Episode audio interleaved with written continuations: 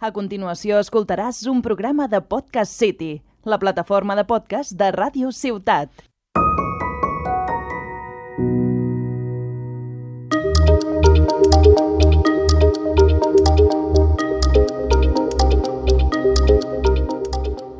Hola, benvinguts i benvingudes al racó dels Global Goals, el podcast de Jove Cambra Internacional de Reus. Els Global Goals són 17 objectius impulsats des de Nacions Unides que pretenen al 2030 assolir objectius com afavorir un planeta més sostenible, acabar amb la fam o viure en un món en un món on tothom visqui en pau. I nosaltres qui som? Som Jove Cambra, una entitat sense ànim de lucre present arreu del món, formada per joves de 18 a 40 anys on aprenem a través de projectes i creem canvis positius en el nostre entorn.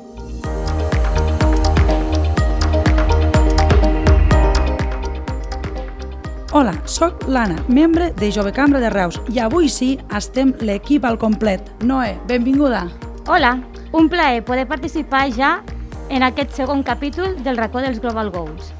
Com comentava l'Anna, jo també sóc membre de Jove Cambra Internacional de Reus, des d'on impulsem aquest podcast. Noé, què és això del racó dels Global Goals? Doncs és un podcast on, programa a programa, anirem presentant projectes, empreses i entitats del territori que amb la seva acció ajuden a aconseguir els objectius de desenvolupament de Nacions Unides. A cada capítol d'aquest podcast tractarem un dels 17 Global Goals. Ens fa molta il·lusió presentar els projectes que us anirem donant a conèixer i esperem que ho gaudiu tant com nosaltres preparant-ho. I com no, que al final us animeu a passar a l'acció. A cada episodi tractarem un Global Goal amb una entrevista i uns tips finals per animar-vos a saber com podeu aportar el vostre granet d'arena. Volem donar les gràcies a Radio Ciutat per la seva col·laboració i us recordem que ens podeu trobar a rctgn.cat i jci.cat o escoltar-nos i subscriure-us a Spotify i iTunes.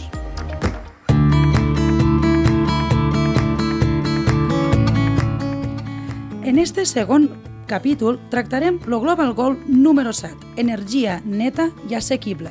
Primer que tot, repassarem en què consisteix este Global Goal. Aquest ODS aborda aspectes relacionats amb garantir l'accés universal a serveis d'energia nets, assequibles, fiables i moderns. D'altra banda, i considerant l'actual context de canvi climàtic, aquests aspectes han de sumar-se necessàriament a l'augment de la proporció d'energies renovables, l'eficiència energètica, la investigació i la promoció de la inversió en infraestructures energètiques i tecnologies netes. I per tot això, avui ens acompanya Daniel Rubio, regidor de Medi Ambient de l'Ajuntament de Reus i també membre de Jove Cambra de Reus. Bona nit, Dani. Molt bona nit, moltes gràcies.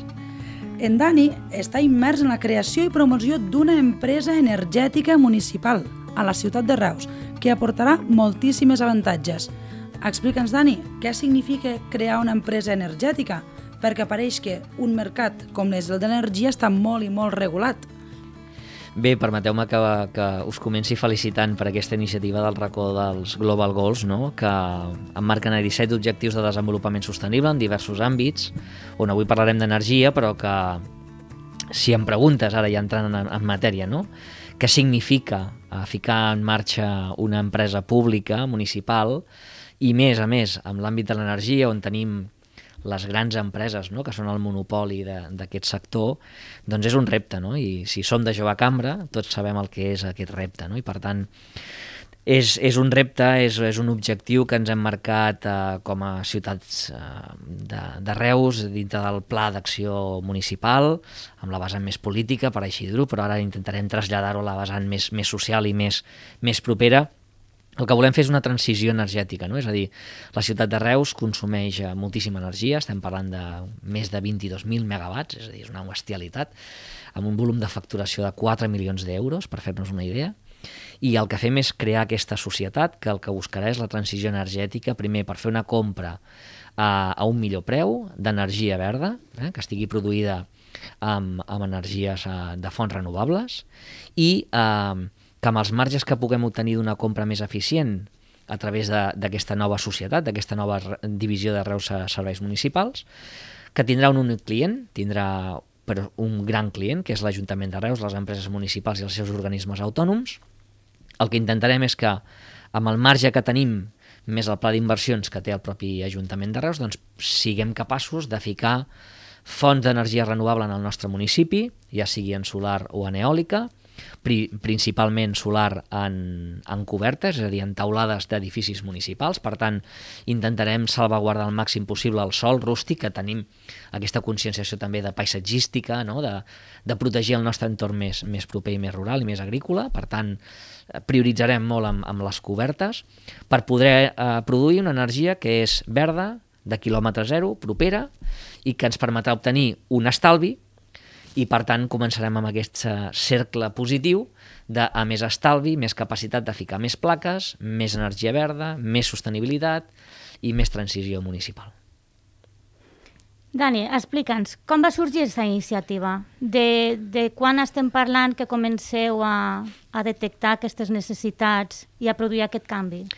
Bé, eh, quan es fa l'acord de govern, una de les línies estratègiques que es parla és de la possibilitat de crear aquesta nova, aquesta nova divisió i doncs, ara farà un any que l'alcalde em va demanar o em va fer l'encàrrec no, com a regidor de Medi Ambient de poder eh, liderar el llançament d'aquesta empresa. Per mi va ser un repte, pel que abans comentàvem, no? perquè és un, és un segment molt competitiu on tens les grans empreses que dominen moltíssim, on els marges de compra eh, i per tant de, el marge de, de comercialització és molt petit, eh, hi ha molts impostos directes, hi ha una càrrega brutal que no té res a veure amb la política ni municipal ni autonòmica, és un tema d'estat, de, no? és a dir, hi ha uns impostos que venen agravats al, a l'àmbit energètic contra els que no hi podem lluitar d'entrada, i, i per tant el que, el que fem és això, eh? és un pla d'inversions eh, per ficar molta placa eh, solar eh, principalment amb els edificis municipals que ens permeti fer primer un autoconsum que permet també vendre aquesta energia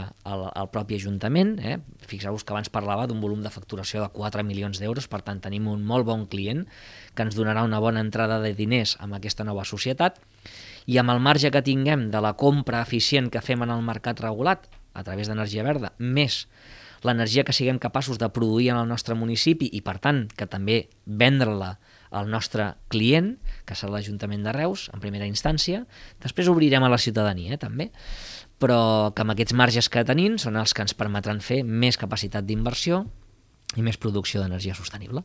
Sí, era una de les preguntes que, que m'havia notat, no? Si en, en segon terme, els ciutadans també es podran sumar a ser clients no, d'esta gran empresa municipal.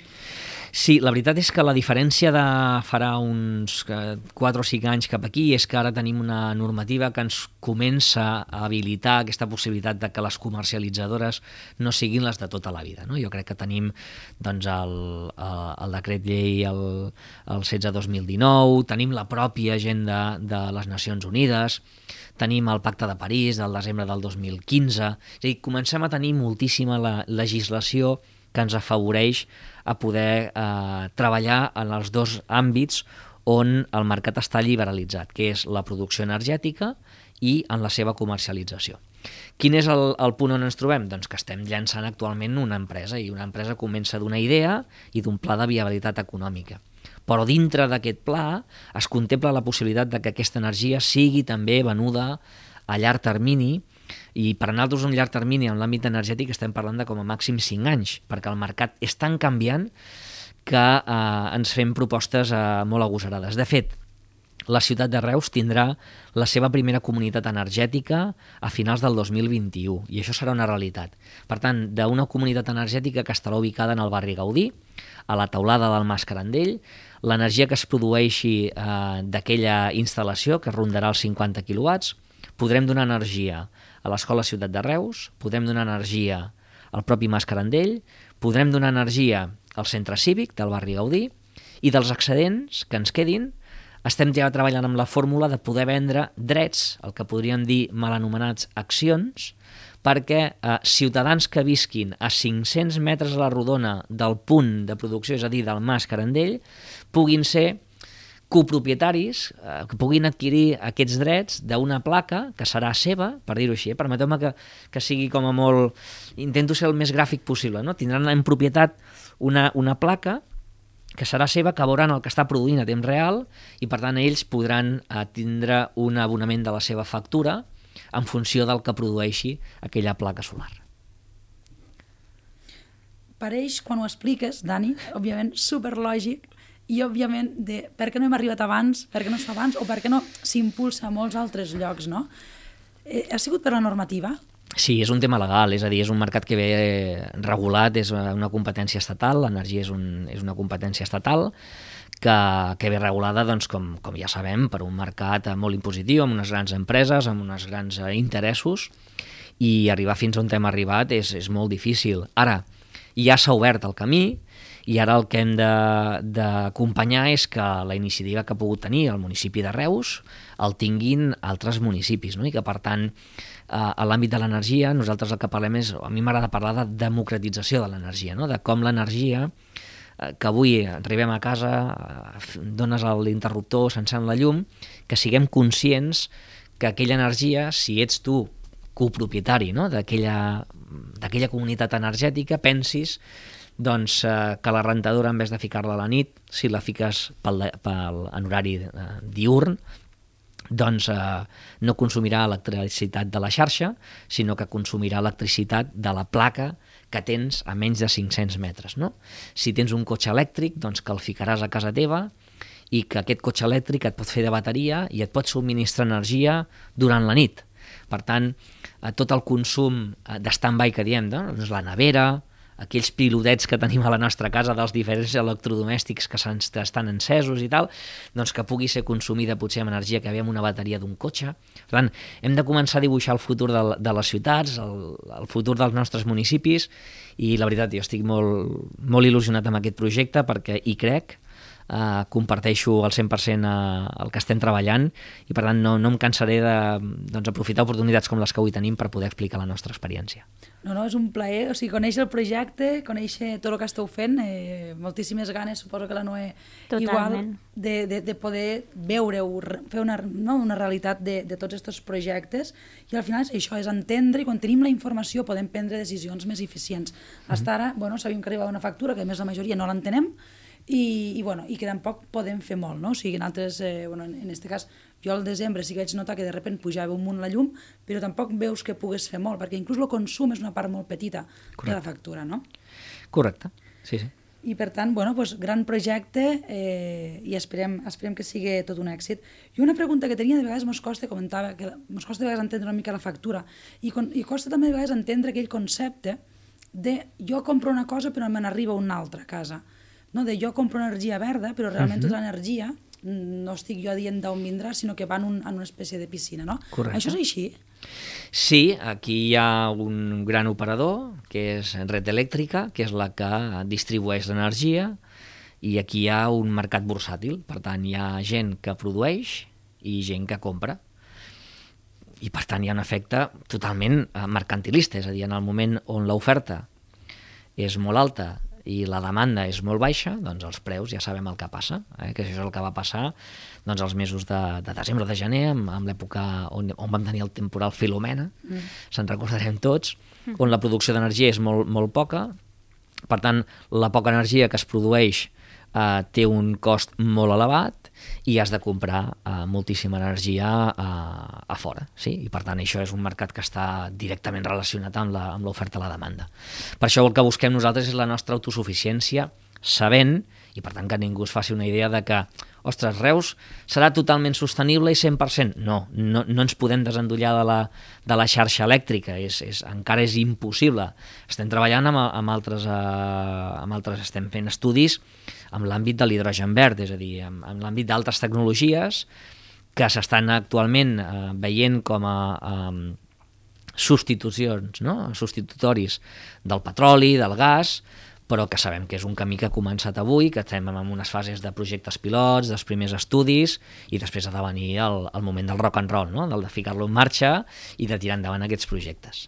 Bueno, segur, Dani, que Reus serà una ciutat que serà molt conscienciada gràcies a aquesta iniciativa amb el tema del consum, ja sigui eh, tocant la butxaca de les persones, però és com dèiem, no? que al final ets, quan te fas més conscient és quan ho tens directament, per tant és fantàstica la iniciativa. Ho intentarem. Jo crec que la, la comunitat energètica que tindrem a la zona del barri Gaudí eh, serà un abans i un després. No? És allò com el punt d'inflexió perquè hi haurà gent que ho provarà, hi haurà gent que li agradarà, hi haurà gent que més està conscienciada i convençuda i està esperant que arribi el projecte, que ens estan trucant per dir ei, quan em puc adherir al projecte i puc, puc ser un d'aquests que adquireixin drets d'aquesta comunitat? I per tant ara el que hem de ser capaços és d'accelerar al màxim el llançament d'aquesta empresa, que ara ja és un tema burocràtic, és a dir, el, el, el procés intern ja està, ara està en mans de que els papers tornin de Madrid, per dir-ho així, que és on ens han de fer el visat de que ja som una comercialitzadora, i en el moment que això succeeixi, accelerar al màxim amb el pla d'inversions que tenim, eh, per poder ficar quantes més plaques millor, amb el menor temps possible i començar amb l'aventura que estem compartint avui amb vosaltres. Se pot temporitzar?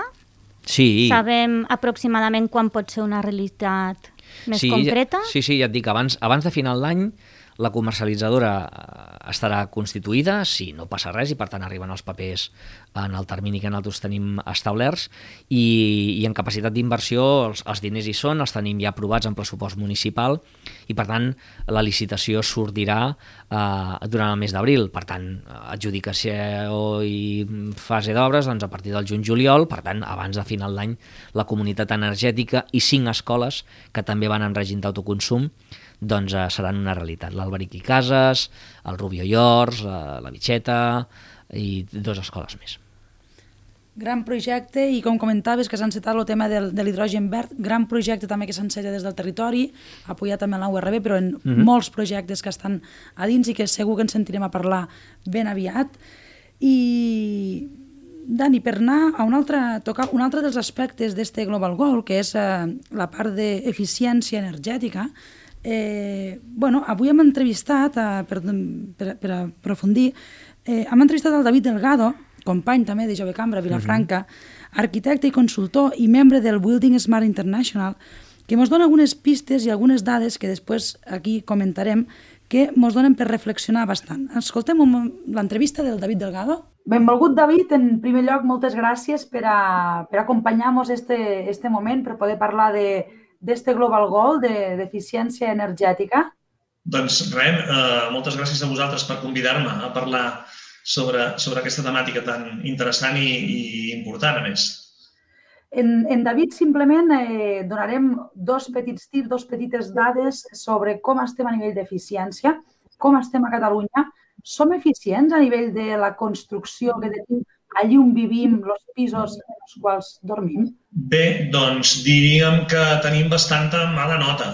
Eh? Uh, però no és un tema exclusiu, és allò que en diuen, uh, em surt en castellà, consuelo de muchos, no? Uh, I mal, ja sabeu, segueix la mal frase. De, mal de muchos, consuelo de tontos. Mal de muchos, consuelo de... Oi? Uh, um, doncs uh, la veritat és que tenim bastanta mala nota, però bueno, la tenen uh, a tot l'estat, en aquest cas en aquest cas a tot l'estat espanyol. Mm?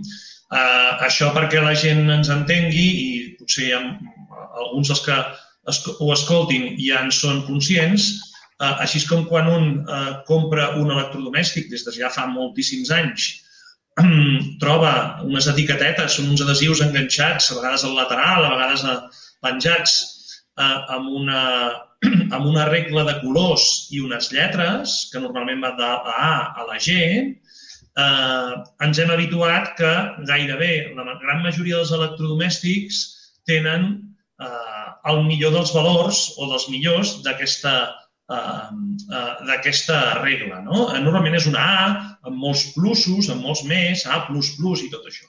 Vale. Això fa ja fa molts anys que en el sector dels productes, en aquest cas dels electrodomèstics, ja ho tenim. Eh, edificacions que no són totes les de l'Estat, eh, vale?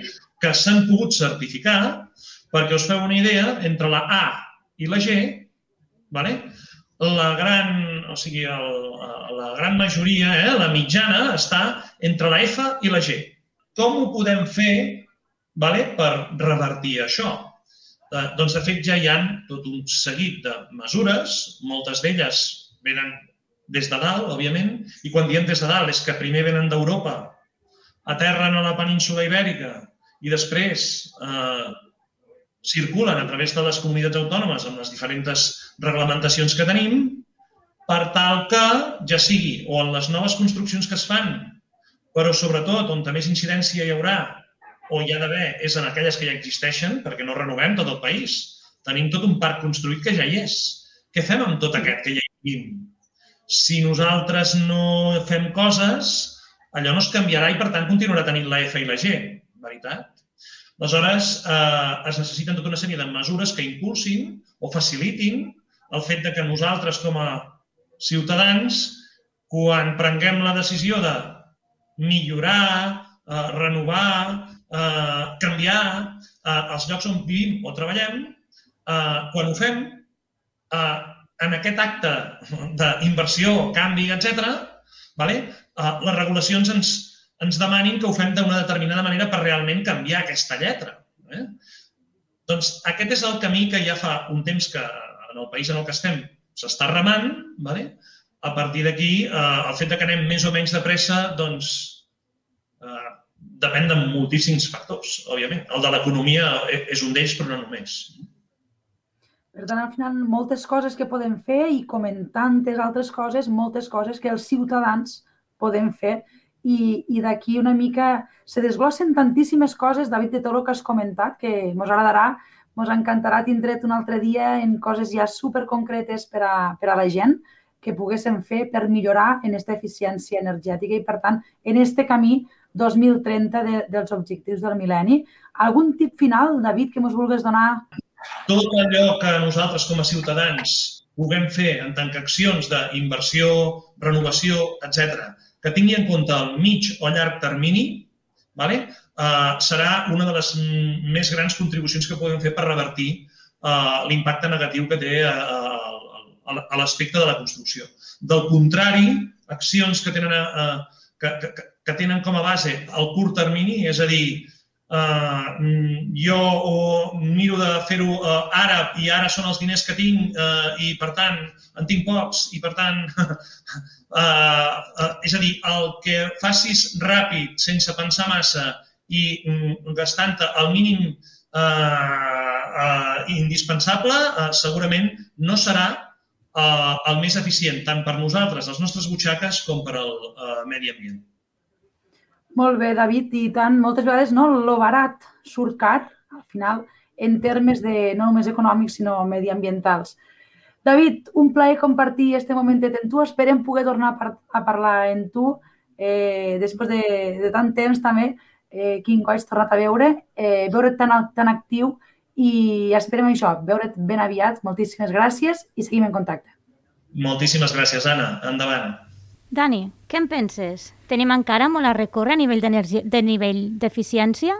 Sí, no, i com deia el company David, uh, s'ha de reconstruir tot un país gairebé, no? És a dir, quan, quan arrenques de tan a baix, doncs els esforços que has de fer són molt grans. Per tant, tant en l'àmbit energètic, com dèiem, com en l'àmbit de la, de la construcció que té una afectació directa sobre l'eficiència energètica perquè al final si la teva vivenda està ben protegida, ben aïllada, doncs en el moment que la, la teva vivenda ha agafat una temperatura doncs eh, el fet de que el poder calorífic que hi ha dintre d'aquella vivenda aguanti més i millor eh, depèn de com estan fetes les parets no? i de quin aïllament tenen, aïllament tèrmic, de com està construït. Per tant, té una afectació directa, per tant, si fiquem més la caldera, consumim més gas, eh, tenim més emissions de CO2, o si fiquem més la bomba de calor, doncs també consumim més energia i, per tant, més emissions de CO2. Per tant, hem de començar a transformar, a compartir el que deia el David, que hi ha, el, hi ha alguns fets que són intangibles, no? i per tant el benefici en el medi ambient no es pot mesurar eh, amb una vara econòmica de quants euros, és a dir, és un tema que l'hem de tenir ja considerat i que hem de fer les accions i se'ls està demanant a la ciutadania que facin uns esforços però els primers que han de fer l'esforç són els estaments supramunicipals, per tant, eh, Generalitat i Estat, que són els que han d'injectar diners eh, perquè tots aquells que vulguin fer les seves reformes a les seves vivendes doncs disposessin d'algunes ajudes que, sens dubte, ajudarien a que els particulars, els que avui estem aquí, doncs ens animem a que quan haguem de fer aquesta remodelació de la nostra vivenda, com deia el company eh, David, doncs que la puguem fer sense mirar eh, tan fil eh, o tan prim mirat la part econòmica. No? Pues sí, totalment, totalment d'acord. I comentàvem a l'entrevista en, en David, que de vegades no mirem una peça de roba com està feta, d'on ve quin impacte té, i de vegades quan comprem aquell element que és el de més llarg termini que tindrem a la nostra vida, que és la nostra compra, si comprem un pis o allà on vivim, encara no tenim aquesta consciència no? de que allò realment té un impacte enorme en, en l'energia que, que utilitzarem. Dani, tu creus que la ciutadania estem conscienciats en general del poder de les nostres decisions? Cada vegada més, cada vegada més. I de fet, doncs mira, ara en parlaríem no? de, la, de la modificació de les, de les ordenances de soroll, també en l'àmbit de la construcció, de com ens hem d'aïllar no? com han de tenir aquesta certificació les noves construccions que fa pocs anys no se'ls demanava i que ara, doncs, si tu et vols comprar una, una, una casa, estàs fins i tot obligat a demanar aquesta certificació per veure que la teva vivenda doncs, està ben aïllada. I si està ben aïllada del soroll i de les vibracions, també estarà ben aïllada del fred o de la calor, per dir així. No? Per tant, queda molt per recórrer, eh, tenim un país per construir i, i ho farem entre els valents que fem aquest pas endavant i amb els que doncs, avui compartim amb, amb vosaltres, no? la gent de Jove Cambra, doncs, aquestes ganes de transformar la nostra comunitat, el nostre entorn més immediat i en l'àmbit de la comunitat energètica, doncs, o de l'energia, doncs eh, nosaltres ho intentarem. Eh? Moltes gràcies, Dani. Seguirem, seguirem seguint este camí de la transformació, seguirem en este país per construir, que construirem tots junts, tots plegats i, com sempre, des de Jove Cambra, en ganes i en ganes de desglossar tants i, i tants temes. Moltíssimes gràcies, Dani Rubio, regidor de Medi Ambient de l'Ajuntament de Reus i també membre de Jove Cambra Internacional de Reus, per acompanyar-nos avui. Moltes gràcies a vosaltres, Anna i Noé. Gràcies, Dani.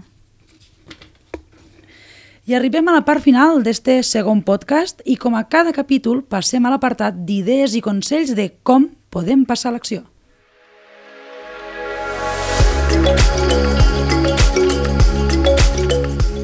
Com han vist, aïlleu les finestres i les portes per augmentar l'eficiència energètica. Ajusteu el termòstat més baix a l'hivern i més alt a l'estiu. Substituïu els electrodomèstics vells per models que aportin un consum energètic més eficient i canvieu les bombetes de casa. Si us és possible, instal·leu panells solars a casa vostra. D'esta manera també reduireu la factura d'electricitat. I si utilitzeu rentavaixelles, no es bandiu els plats abans de ficar-los a la màquina.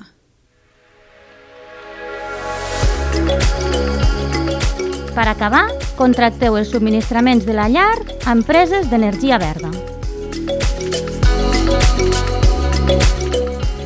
I hasta aquí este segon capítol del racó dels Global Goals. Esperem que us hagi agradat i que us hagi inspirat. El nostre nom és Anna Frisac i Noelia Moliner. Moltes gràcies per acompanyar-nos. Us animem a seguir-nos a través de les nostres xarxes de Jove Cambra de Reus i Ràdio Ciutat de Tarragona. Mos trobareu a Facebook, Instagram i Twitter. I si us ha agradat aquest contingut, us animem a compartir-lo tantes vegades com vulgueu. Recordeu que la més petita de les accions té més impacte que la major de les intencions. Cuidem el planeta. Fins la propera!